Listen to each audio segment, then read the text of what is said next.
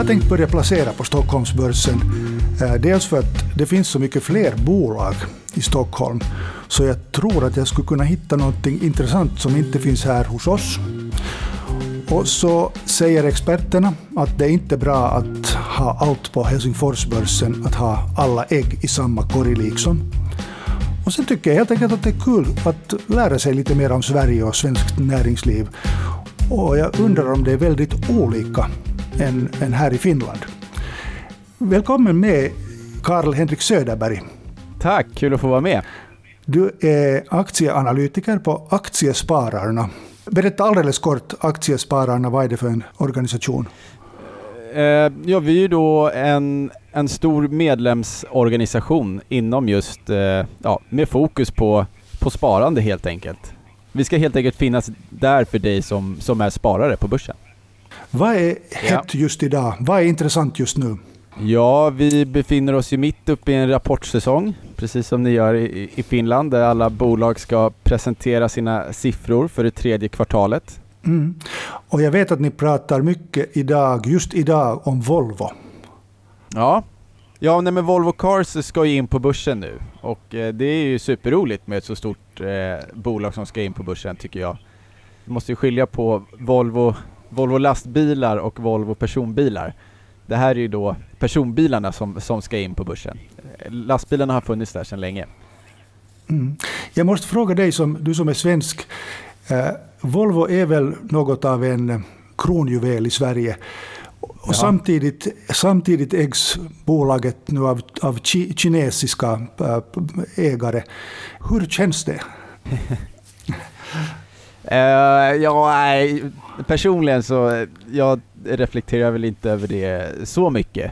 Men det är klart att det är i ett, ur ett investeringsperspektiv så, så medför det ju kanske vissa frågetecken. Vi har ju en, alltså en kinesisk storägare som har väldigt, väldigt stor makt och kommer ha väldigt mycket att säga till om. Och eh, det kan ju, ja, det medför vissa frågetecken om man säger så.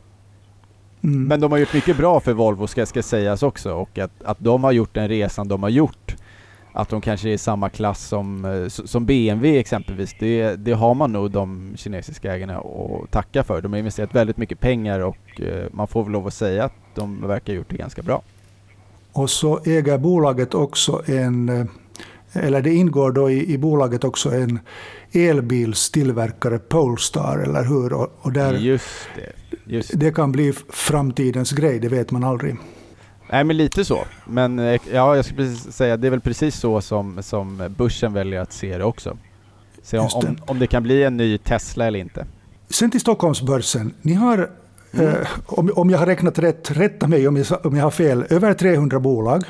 Vi, vi har inte ens hälften i Finland, så det finns ett större urval. Eh, samtidigt vet jag också att det har kommit in en stor mängd nya bolag in på Stockholmsbörsen nu under de senaste månaderna. Har du koll på ungefär hur många nya bolag? Nej, inte direkt antal, men jag vet att det, det, är väldigt hett fortsatt att sätta bolag på börsen. Och det tror jag har att göra med dels att det har gått väldigt bra på börsen om vi tänker sen, sen coronabotten egentligen. Sen mars förra året va? Eller april, mm. så, så har börsen gått väldigt, väldigt starkt och eh, överlag så är värderingarna på sina håll höga och det leder ju till att många, många företagsledare där ute, de, eh, de blir såklart lockade av att kunna ta del av detta och det finns, jag menar, börsen ska hjälpa till att finansiera vidare expansion för bolag och just att kunna ta in pengar i ett sånt här marknadsklimat där, där folk är väldigt vad ska man säga, det finns väldigt mycket riskvilligt kapital där ute som är villigt att investera i, i nya bolag. Och då tror jag att, mark, att bolag passar på att göra det. Samtidigt som att Corona medförde en paus också, ska vi komma ihåg. Så att jag tror att det är lite pipelinen på nya bolag, den blir väldigt eh, stor helt plötsligt och nu ska alla ut. Så det är väl två förklaringar till att det är så många bolag som kommer in på börsen just nu. Mm, det har bara gått uppåt under de senaste åren faktiskt.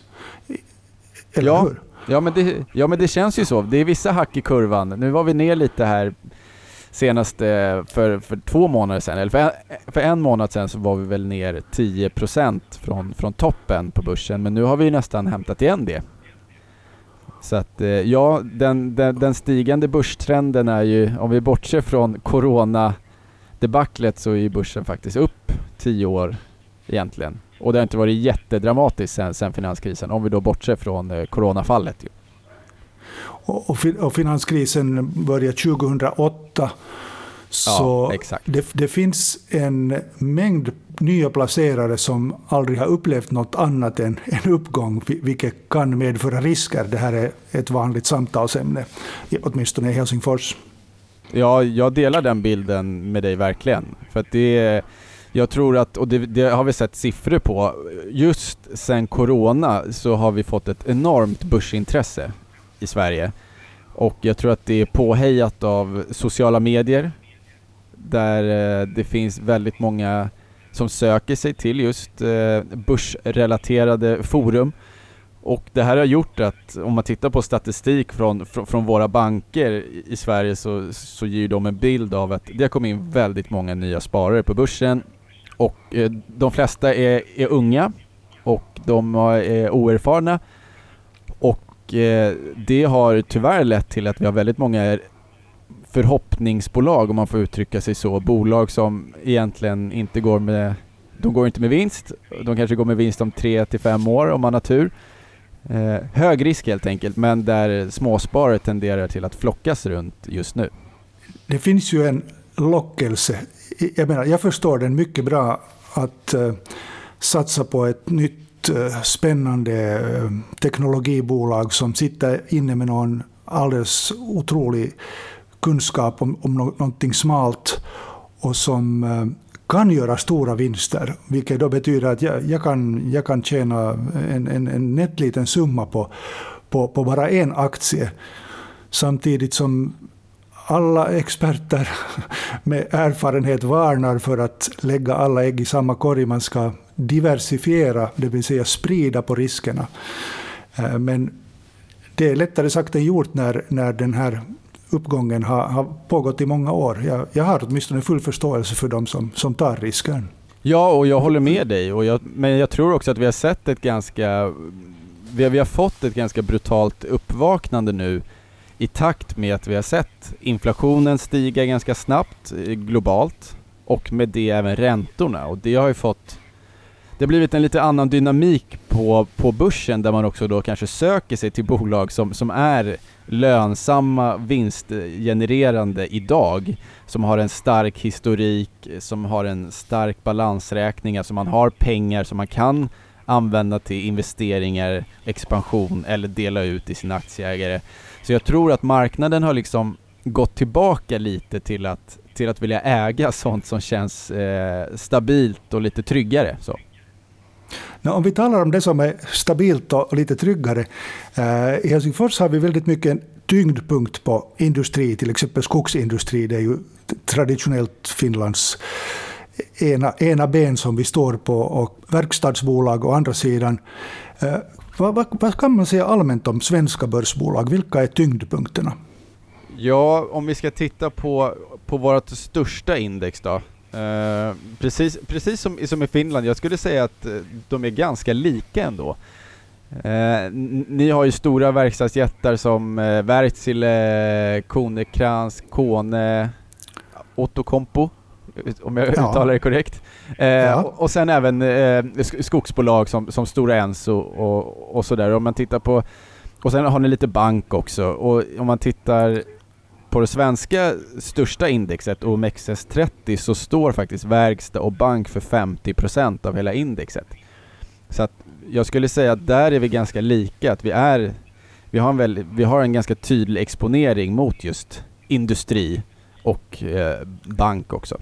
Vi känner till många svenska varumärken, internationellt kända varumärken som H&M eh, eller ja. Electrolux, varför inte Husqvarna, flygbolaget SAS och sen Volvo som vi redan har talat om. Och de är ju alla eh, stor, det är ju stora bolag på, på Stockholmsbörsen. Hur är det med eh, Spotify? Finns, finns de på börsen? Ja, det, det gör de, men eh, dessvärre inte på Stockholmsbörsen, vilket jag tycker är lite tråkigt. De är ju då noterade på Nasdaq-börsen i USA. Just det, eller liksom Faktiskt. teknologibörsen. Ja, exakt. Och där har vi ju Alltså det som är lite kul är ju att vi i Sverige på senare år faktiskt har fått fram en hel del framgångsrika techbolag. Jag tänker då på, på Spotify är ju ett, Evolution Gaming, eh, kanske ett bolag som du har hört talas om, som har gått eh, fantastiskt eh, på börsen och som är ett av våra nu 30 största bolag, så de är med i det här indexet. Och eh, Klarna är ju ett annat som ska in, betalningslösningar som ska in på börsen nästa år. Som är, även det är väldigt framgångsrikt. Det kanske är väl, I IKEA är ju inte ett börsbolag då och där tror jag vad jag vet så tror jag inte att de planerar att ta sig in på börsen. Men eh, absolut, det finns många stora framgångsrika, framgångsrika bolag som har kommit upp nu på slutet. Uh, vissa bolag är förresten noterade både i Helsingfors och Stockholm, som, uh, alltså på börserna i både Helsingfors ja. och i Stockholm, som Stora Enso. Är det någon skillnad då för en småplacerare var man placerar?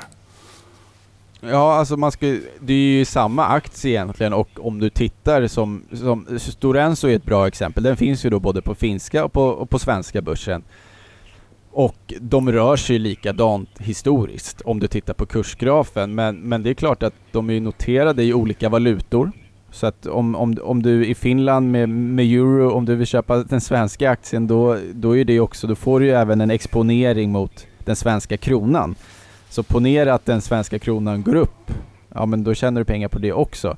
Och vice versa. Så att det finns ju en, det finns ju en valutafaktor att, att ta hänsyn till.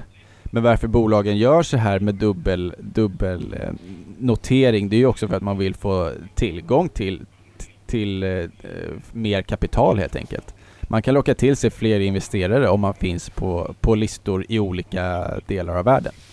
Vi har de som är, som är listade både i Sverige och USA exempelvis, eller i Sverige och Schweiz, eller i Sverige och Storbritannien, eller i Sverige och Finland. Vi diskuterar här alltså i pengarnas värld med Karl-Henrik Söderberg, Kalle Söderberg, som jobbar som aktieanalytiker för Aktiespararna i Sverige då förstås.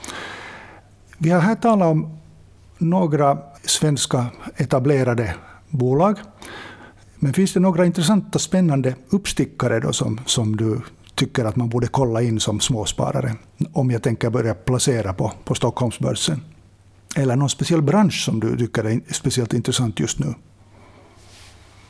Ja, det finns alltid investerings, äh, intressanta investeringsalternativ där ute. Men äh, man, man märker ju också att det svänger ganska fort. Om vi, om vi tittar för för, för ett år sedan så ville alla äga cleantech-bolag, alltså bolag som sysslade med hållbar teknik. Um, nu är de aktierna ner mellan allt från 50 till 75 procent, de flesta. Det har, det har gått väldigt fort. Vi pratar om förhoppningsbolag. Där, där i just den sektorn är många förhoppningsbolag. Uh, så där det är, det är en riskfylld bransch även om man kan vara överens om att framtiden är troligtvis ljus för de som sysslar med det här men det är lättare sagt än gjort att lyckas. Sen har vi haft serieförvärvare, hade jag lätt kunnat sagt för, för ett halvår sedan att de är fantastiska på många sätt. Bolag som egentligen enbart växer genom att förvärva andra bolag men som man inte väljer att integrera i sin verksamhet. De har gått fantastiskt på börsen, men även de har kommit ner i takt med att räntorna har kommit upp. Det är inte lika attraktivt, man har, det, det är inte lika billigt att finansiera sig för att kunna köpa upp bolag. Så det har också rubbats lite, så att just nu, om du frågar mig just idag, så om, om vi tittar historiskt så små bolag, och då pratar vi inte jättesmå bolag, men bolag som kanske har ett börsvärde på en miljard till 10 miljarder, de har ju his, historiskt tenderat att gå bättre än större bolag. Men jag skulle säga att i rådande marknadsklimat som är lite stökigare och vi går in i en, en period som vi inte riktigt vet var vi kommer komma ut i, i, andra sidan och var vi kommer befinna oss då. Vi har, vi har haft 25 år av fallande räntor mer, mer eller mindre. Nu är den trenden oundvikligen på väg upp. Sen är frågan om hur snabbt det kommer gå och hur mycket det kommer gå upp.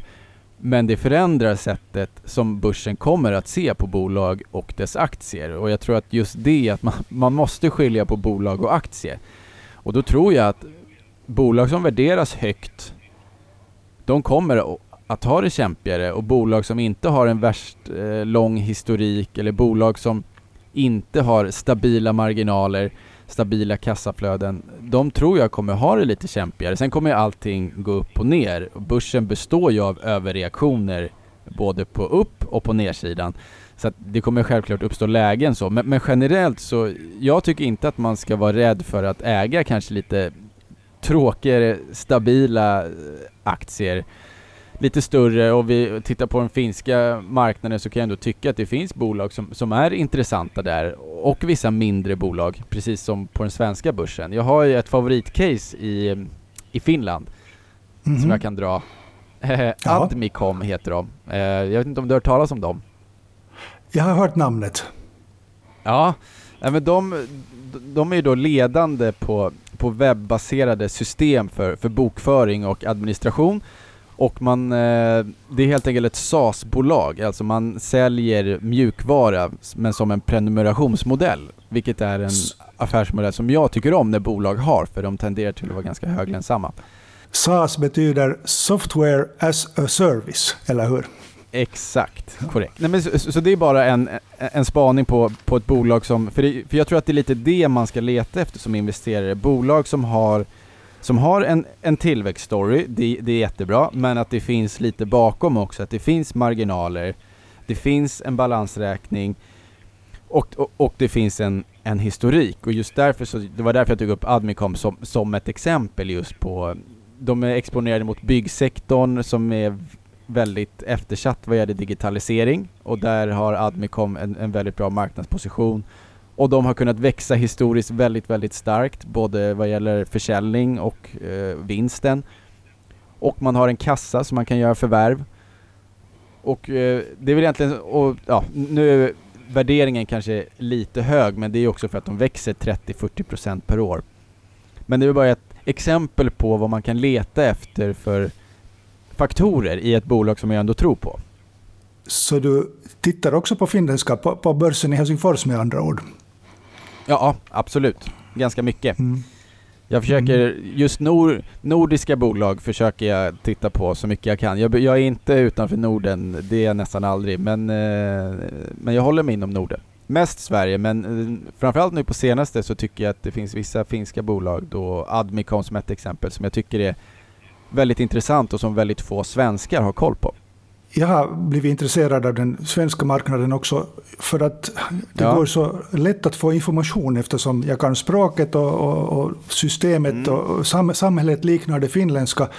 Men kan du tipsa mig om var jag får bra information om eh, svenska börsbolag? Ja, ja men och det kan vara allt ifrån eh, morgonbrev från banker. Det kan vem som helst signa upp sig på egentligen. Uh, det vet, jag, vet, jag vet att det finns ganska många där ute. Um, man kan lyssna på poddar. Ett, ett, Din egen podd till exempel? Ja, exakt. Eh, antingen då aktie, Aktiepodden eller Tillsammans mot miljonen är ju de två poddarna som jag har. Men sen kan jag även rekommendera min absoluta favoritpodd, men jag, jag kan ju tycka det är skönt att försöka att inte bli för börsnördig, för det är ändå så mycket i mitt jobb. Så jag gillar liksom, det finns en podd som heter The Daily från um, New York Times som kommer varje dag. Det är nog den, det är den bästa podden jag vet måste jag säga. De är så himla proffsiga och det är relevant och så matnyttigt och det kommer varje dag. De är oftast en kvart långa bara, så det är ganska lagom på vägen till jobbet. Ja men väldigt bra. Jag tycker väl generellt, alltså jag tycker inte att man behöver vara rädd för att gå utanför själva, vad ska man säga, eh, börssfären för att hitta nya intressanta trender. Alltså du kan ju läsa kultursidorna och så kan du säkert ändå få med dig någonting matnyttigt som du kan ha nytta av vid, vid dina investeringar eller det finns en lifestyle-magasin som oftast kanske är först på bollen vad gäller nya trender. Jag menar när du läser, när du läser aktiesidorna på nätet och du läser om kursvinnarna, då är det, det, är, det är fem år efter som du läser den där trendspaningen. Mm, man måste liksom förstå samhället också lite grann och människor.